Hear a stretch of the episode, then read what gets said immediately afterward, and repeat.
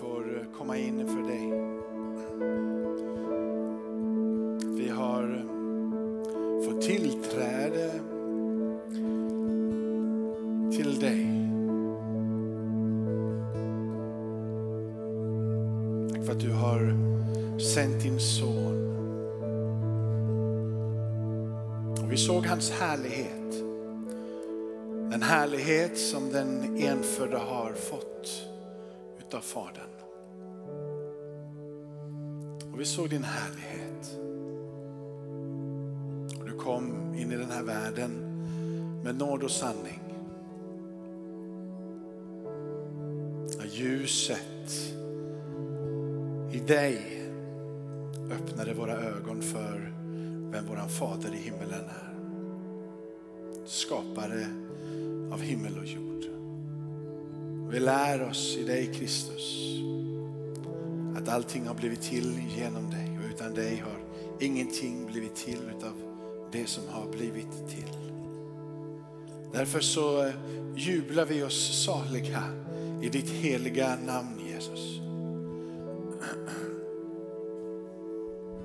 Du som antog en tjänares gestalt och vandrade på den här jorden i eh, möda, smärta, eh, lidande. För att bana en väg för oss genom en död så har vi fått syndernas förlåtelse. Och genom uppståndelsen ifrån de döda så har vi fått en plats tillsammans med levande Gud.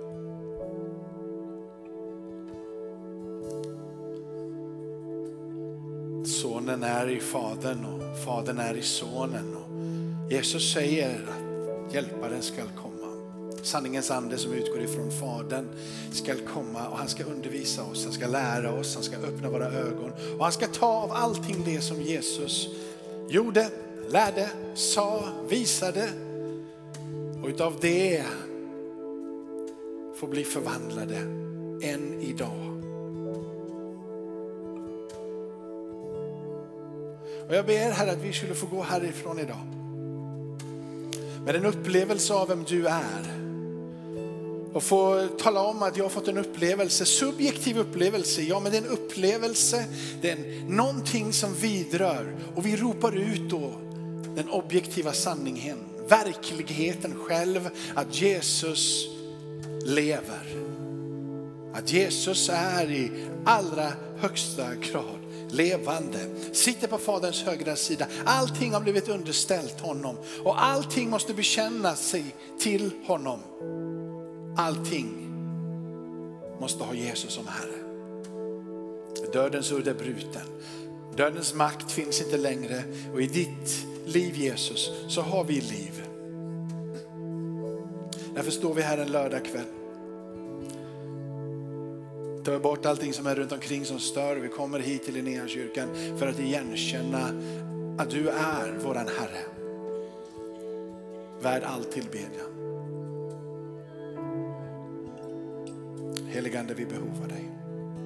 Jag är i behov av dig när jag läser skriften. Och du måste uppenbara skriften. Du, heligande, vi är helt och hållet beroende av dig för att få förstå vem Fadern är, vem Jesus är.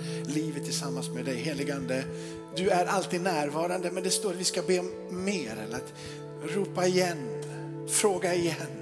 Skulle inte då Fadern ge er, uppfylla er, ge er heligande.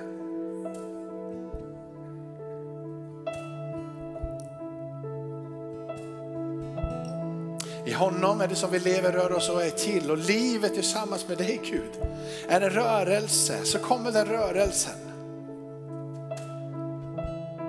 Kommer den rörelsen. Vi ber.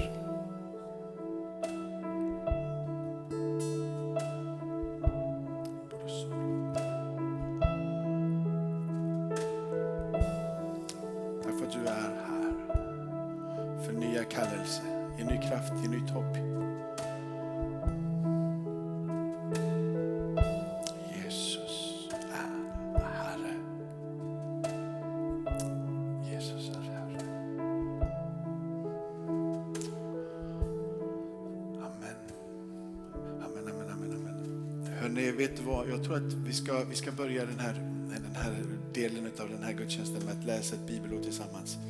Jag tycker det skulle vara fint om vi, när vi har de här lördagskvällarna så är det liksom, eh, det får bli vad det blir lite grann sådär.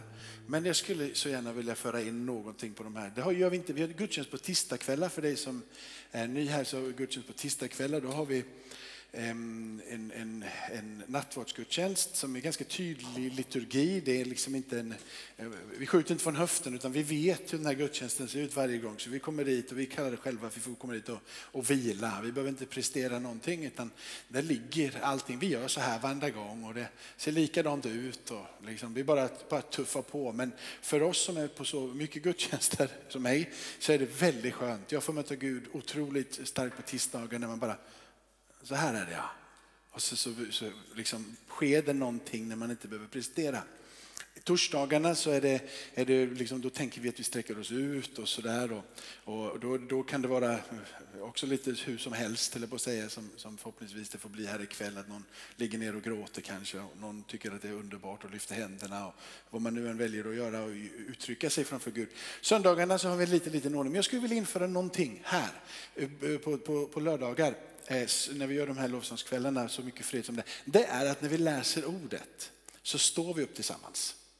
För att hedra eh, skriften, för att vi tror att det här är Guds utandade ord, att vi liksom ställer oss upp och bara, vi tar emot det här. Ja, ni var på gång direkt. Så vi lägger upp den här skriften och vi står upp tillsammans. Och vill du läsa med högt så får du jättegärna göra det. Vill du inte det så får du gärna vara tyst. Eh, men, eh, men eh, vi läser tillsammans eller jag läser för dig, du bestämmer själv.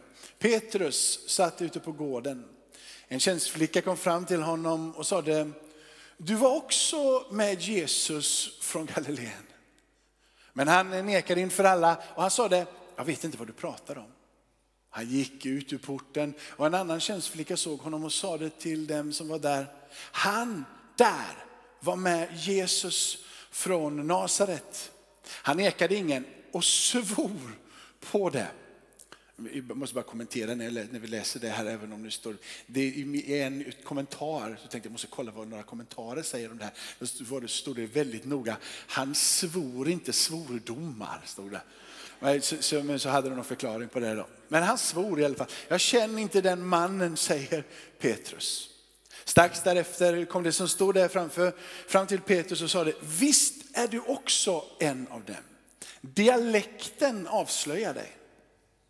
Och då började han förbanna och svära. Jag känner inte den mannen. Och strax gol tuppen. Då kom Petrus ihåg det ord som Jesus hade sagt innan tuppen gal. Ska du förneka mig tre gånger? Och han gick ut och grät bittet. Amen. Varsågod och sitt ner. Den här texten fick ett nytt ljus här, här i, i veckan för mig. För att många gånger så, så har jag tagit den här texten och, jag, och på något sätt, jag vet inte om man har liksom känt, varför är den där? Vill, vill Jesus liksom krossa Petrus? Är det den vill? Och jag tror han ville på ett sätt. Men varför är den där? Är det, är, det, är det djävulen som försöker knäcka Petrus? Eller är, det, eller är det Gud som försöker knäcka Petrus? Vem är det som, vem är, det som är färde och vad är det som händer i Petrus liv när han blir ifrågasatt och pressad in i ett litet, ett litet hörn här? Vad är, vad är det som sker i Petrus? Men jag tänker så här. Hur skulle Gud väcka Petrus uppmärksamhet? Petrus hade varit på förklaringsberget. Han hade fått eh, höra rösten, vara med Elia, Mose, höra rösten ifrån himmelen. Så detta är min älskade son. Och Jesus får tala upp, ni får inte tala om det här för någon. Han har varit på platsen av en hög uppenbarelse. Första berättelsen om eh, Petrus i Markus evangeliet. Matteus, Markus, Lukas och Johannes fyra evangelium med en och samma klar berättelse om vem Jesus är. Och syftet med alla dessa evangelium är att förklara för dig och mig att han lever. Allra högsta grad levande, verklig, vandrade på jorden, tog dina och mina synder, uppstod ifrån de döda. Berättelserna om honom när du läser dem, ger liv. Markus, första berättelsen. Petrus botar till och med hans svärmor. Svärmoren har feber och Petrus går in i huset. Inte allihopa får följa med. Utan bara några få utvalda, tre stycken lärjungar får följa med in i huset. Petrus är en av dem, eller om de är fyra med Petrus. Går in där och febern blir botad. Han går ut därifrån och är runt omkring och det står att många fick onda andar eh, blev botade från onda andar som flög ut ur folk och det var många som var sjuka som blev helade. Petrus hade fått gå på vatten. Petrus hade djupa möten tillsammans med Jesus där han pratar med honom. Och kanske den allra tydligaste versen för Petrus liv måste vara den som du har i Matteus 16. Där han säger att jag ska bygga min församling, inte på Petrus kanske bara, utan på den uppenbarelsen om vem Jesus är. Det finns så mycket som kretsar runt omkring Petrus och han får vara den inre kretsen. Han får vandra tillsammans med Jesus på ett sätt som väldigt få fick göra.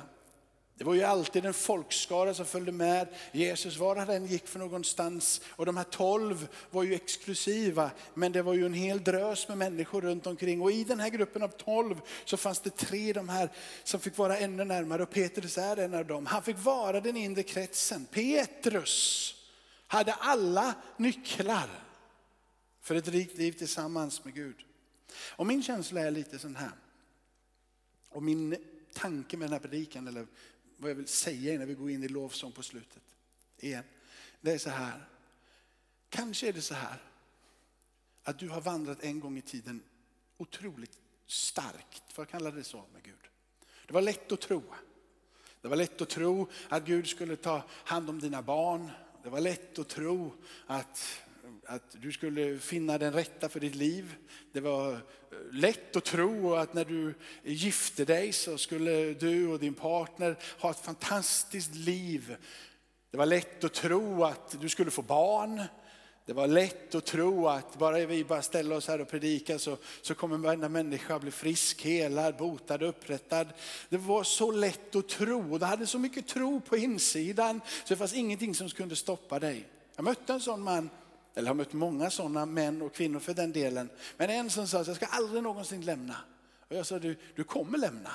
Ja, varför säger du så? Ja, du kommer lämna. Det kommer jag aldrig någonsin göra. Jag kommer aldrig någonsin att lämna. Aldrig någonsin, aldrig någonsin. Jag sa, du kommer att lämna.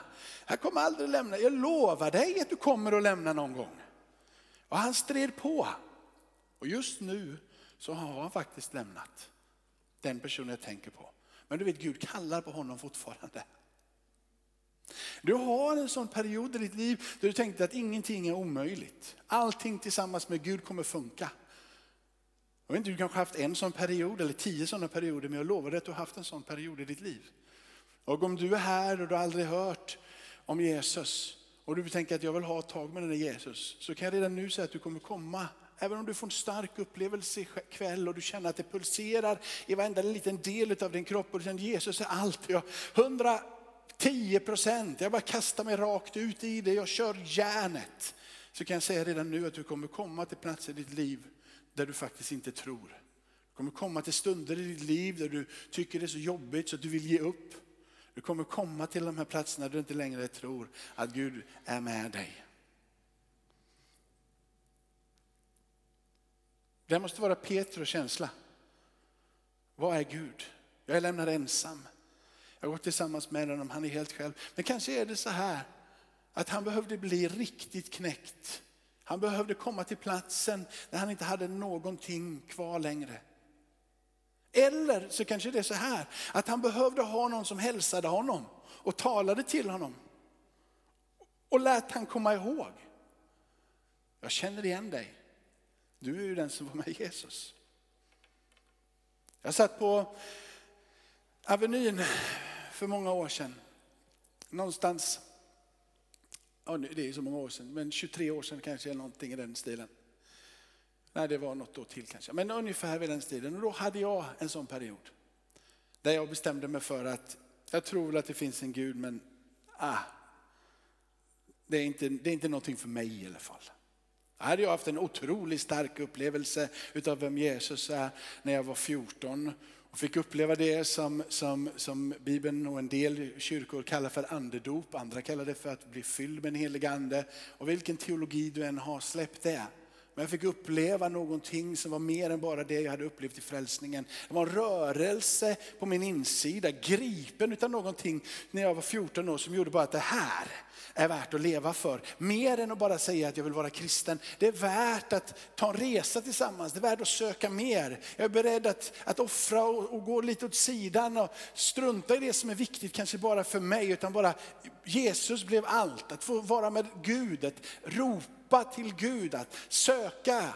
Det betyder allt. Den heliga ande var så verklig för mig. Här och nu hade jag fått en hjälpare, sanningens ande, en ledsagare som stod med mig och ledde mig framåt. Och det var så otroligt viktigt. Några år senare, då, en fem år senare, så sitter jag där.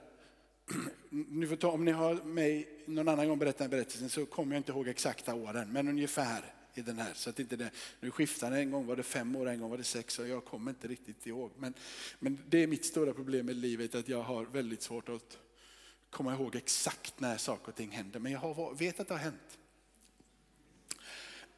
Och så sitter jag på Avenyn och en, en kille som heter Andreas sitter där. Och då är det så att då har Andreas och jag mötts när vi är 14. Och fått den här upplevelsen tillsammans på läger, kristna läger. Och sen så um, skildes våra vägar åt. Han landade uppe i Stockholm och jag hamnade nere i Växjö. Och på den resan sen så kände jag i Växjö att nej, men jag måste flytta. Jag måste liksom, så jag kom till Göteborg och han flyttade från Stockholm till Göteborg. Utan att vi visste om det så landade vi på samma arbete och blev arbetskompisar. Han hade bestämt sig för att nej, men nu är det dags för mig, jag, kan inte, jag måste bara komma tillbaka till Gud, jag måste ta Gud på allvar i mitt liv. Så han bestämde sig för att flytta till Göteborg för att börja om på något sätt. Och jag hade bestämt mig för att flytta till Göteborg för tristessen i Växjö. Inget ont om Växjö. Växjö är jättefint men det, det, var, inte, det, var, inte, var inte för mig just då och förhoppningsvis aldrig. Mm, ja, det vet jag. Ja, ja, ja. Det bara slank ur. Eh, och så kommer jag hit och vi möts på, på arbetsplatsen. Och vi börjar, vi börjar prata, vi börjar umgås och så sitter vi på Avenyn och han hör mig prata liksom blandar lite filosofi, lite med Gud och lite med lite allt möjligt. Och, och någonstans det där så är det klart att Jesus måste finna, men du ser kyrkorna hur de är. Och, du vet, det var, var, var, bara ord som kom ut som inte fanns någon verklighet och substans i, bara en bitterhet eller någonting sånt där. Och så sitter jag tillsammans med honom där och så säger han, du vet att jag känner dig. Så jag vet vem du är. Jag har mött dig när du var helt annorlunda. Jag har mött dig när det lyste i dina ögon. Jag har mött dig när man kände bara för att man ville krama dig.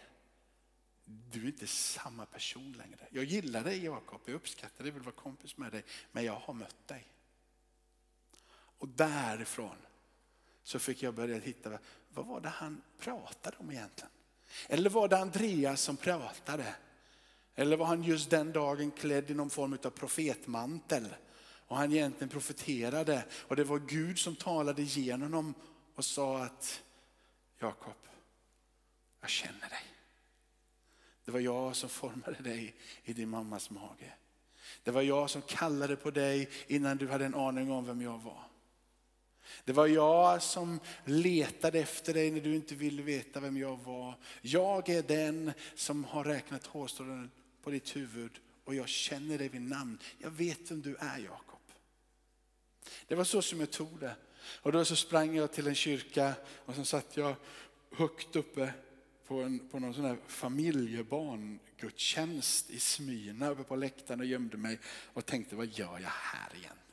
Och så stod det en, en lite mer fjantig körledare där framme med några, med några barn och så sjöng de du är förlåten.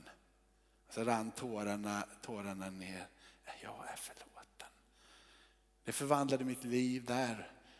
Där, jag, jag, jag varit frälst innan men där var det någonting som hände. För det var inte så som jag hade tänkt.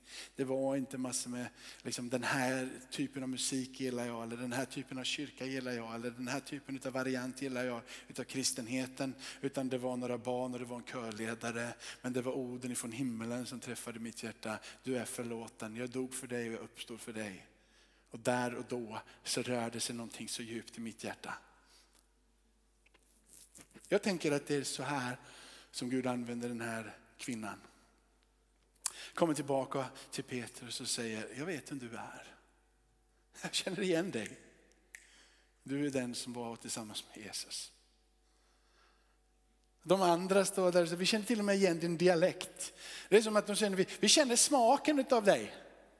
Du, du är liksom färgad av de här, det här gänget. Där dialekten var från Galileen, lite liksom, eh, från Växjö ungefär pratade lite småländska blandat med skånska. Och de var lite andra. Men jag tror att det var mer än det som kom fram. Jag, kände igen det. jag tror att de kände igen Jesus i Petrus. Jag tror att de uppfattade Jesus i Petrus och sa att men du är ju en av han. Det finns någonting över dig som du inte kan bara plocka bort sådär. Det finns där. Det är, där. det är långt borta och du känner inte det längre.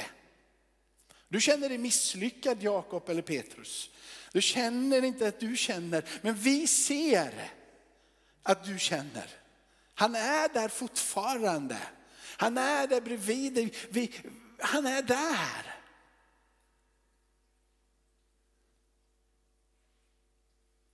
Precis det skulle jag vilja säga till dig den här kvällen. Att det är så här kanske, att det blev inte som du hade tänkt. Men du vet Jesus är där hela tiden och lockar dig och ropar på dig. Och än kanske du känner att du är fortfarande mitt i kaoset, så du fortfarande inte har en aning om om du är misslyckad eller inte misslyckad. Men jag kan säga så här, han har en resa framåt och han har en väg ur. Och han ropar och han kallar på dig idag. Kanske är det hårda ord och du känner att du är misslyckad och du inte vågar riktigt resa dig upp. Men de orden de är från Gud själv. Han lockar på dig den här stunden. Du är här för att du tror att Gud finns. Du är här för att han drar i dig. Och du är här för att han igen vill säga att det är okej. Okay. Och jag vill att du ska tro. Äh, jag vill locka dig tillbaka till att tro så som du trodde när du första gången fick ditt möte. Jag lockar dig tillbaka till att tro och lägga saker igen i Guds händer. Inte ta din egen kraft och göra det du vill med det. Utan igen säga Gud, jag tror på dig. Jag tror på dig för mina relationer. Jag tror på dig för mitt äktenskap. Jag tror på dig för mina barn. Jag lägger det igen i dina händer. Jag vill ha tro igen för att det är möjligt att resa mig upp. Jag har tro igen för att Sverige kan bli frälst. Tro Tro igen för att din familj kan bli förvandlad. Tro igen för att det som du har framför dig kan få blomstra. Tro igen. Du har ju trott en gång, Petrus. Du har ju varit där med mig en gång. Jag ser att du känner dig misslyckad, men kom igen. Tro igen. Våga tro igen. Våga plocka fram den där barnsliga tron som faktiskt har burit dig ända till idag. Eller hur? Det är ju det där startskottet när du bara kunde kasta dig ut i livet tillsammans med Gud som gjort att du har kommit här idag. Nu har du blivit lite mer intellektualiserad och du har blivit lite mer kultiverad och du har blivit lite, lite mer religiös. Och du har blivit lite, lite kanske professionell kristen som jag är. Liksom betalt för att be och, och, och predika liksom. Och sådär. Eller så kanske du bara har hittat din sätt, kyrka ska vara så här. Det ska antingen vara rökmaskiner eller ska det vara kloster. Men det kan inte få vara både och. Eller hur? Det kan, det, vi behöver inte putta saker, kan vi inte bara koncentrera oss på en enda sak? Och det är att låt Jesus få vara verklig.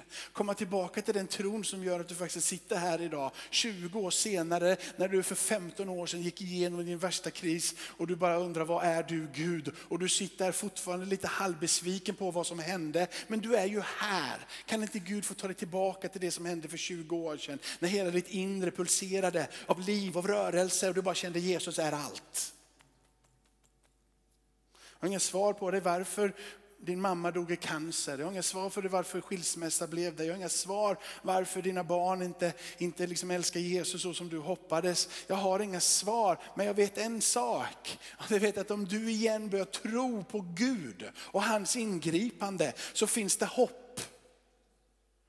Han är en Gud som ger hopp. Han är en Gud som ger liv. Han är en Gud som vill att du ska förtrösta och lita på han. Han kallar dig tillbaka den här stunden idag. Att bara tro igen. Vet du vad som händer när du börjar tro, när du börjar hoppas på Gud? Det är att inte du krampaktigt behöver bära varje situation. Det är att du inte behöver fixa allting som är runt omkring. Utan du kan få lägga ditt liv och din familj och allting som är runt omkring i Guds händer. Och du kan få börja tro igen att Gud är med och för Gud är allting möjligt. Petrus fick en kallelse i början av sitt liv tillsammans med Jesus och sa följ mig.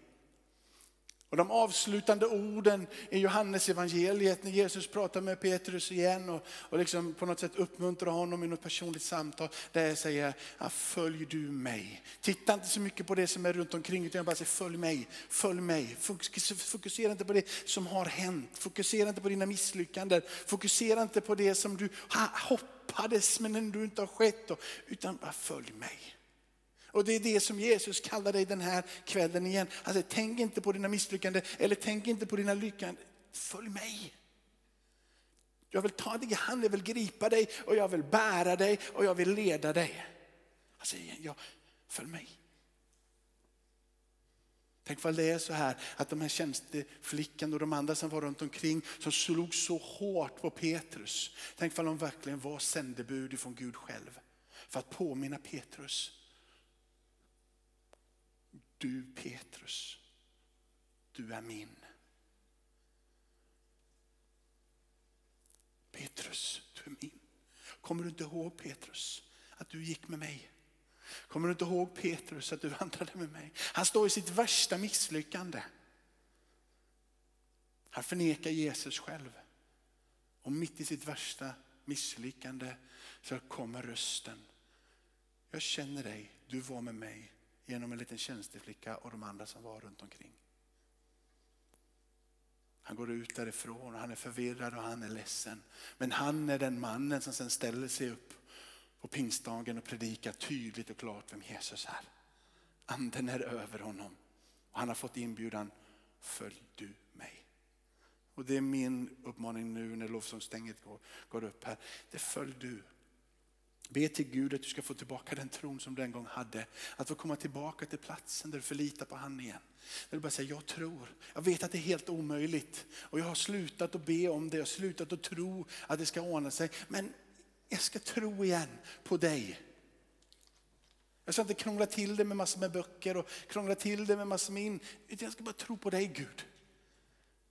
Så som jag gjorde den där gången när det pulserade på insidan. Jag ska tro på dig igen. Jag ska lägga mitt liv i dina händer och jag är här Gud. Jag vill följa dig. Men du kan få tro tillbaka. Kunde Petrus få tro tillbaka så kan du få tro tillbaka. Kunde Petrus bli upprättad och få tro som sen välte omkull hela världen så att du och jag sitter här idag så många år senare så kan du få tro här idag tillbaka som gör att du kommer i rörelse. Amen, ska vi stå upp tillsammans? Vi är här Herre, vi behöver dig, vi behöver ditt ingripande och vi vill tro. Vi vill inte fastna i otro, vi vill inte fastna i, i liksom så som det har blivit på något sätt, utan vi vill tro.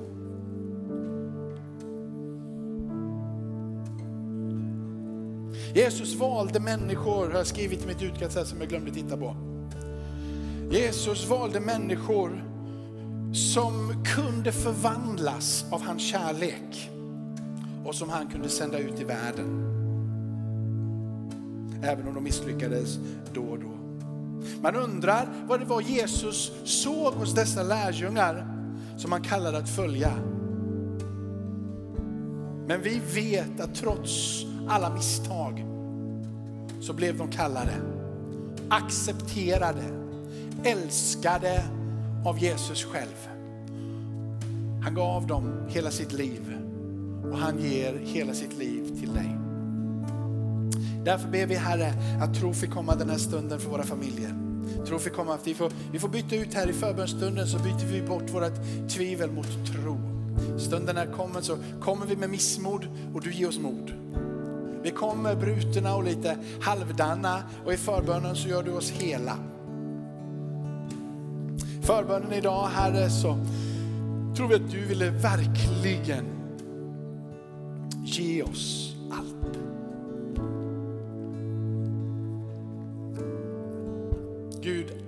Gud är här. Gud är här.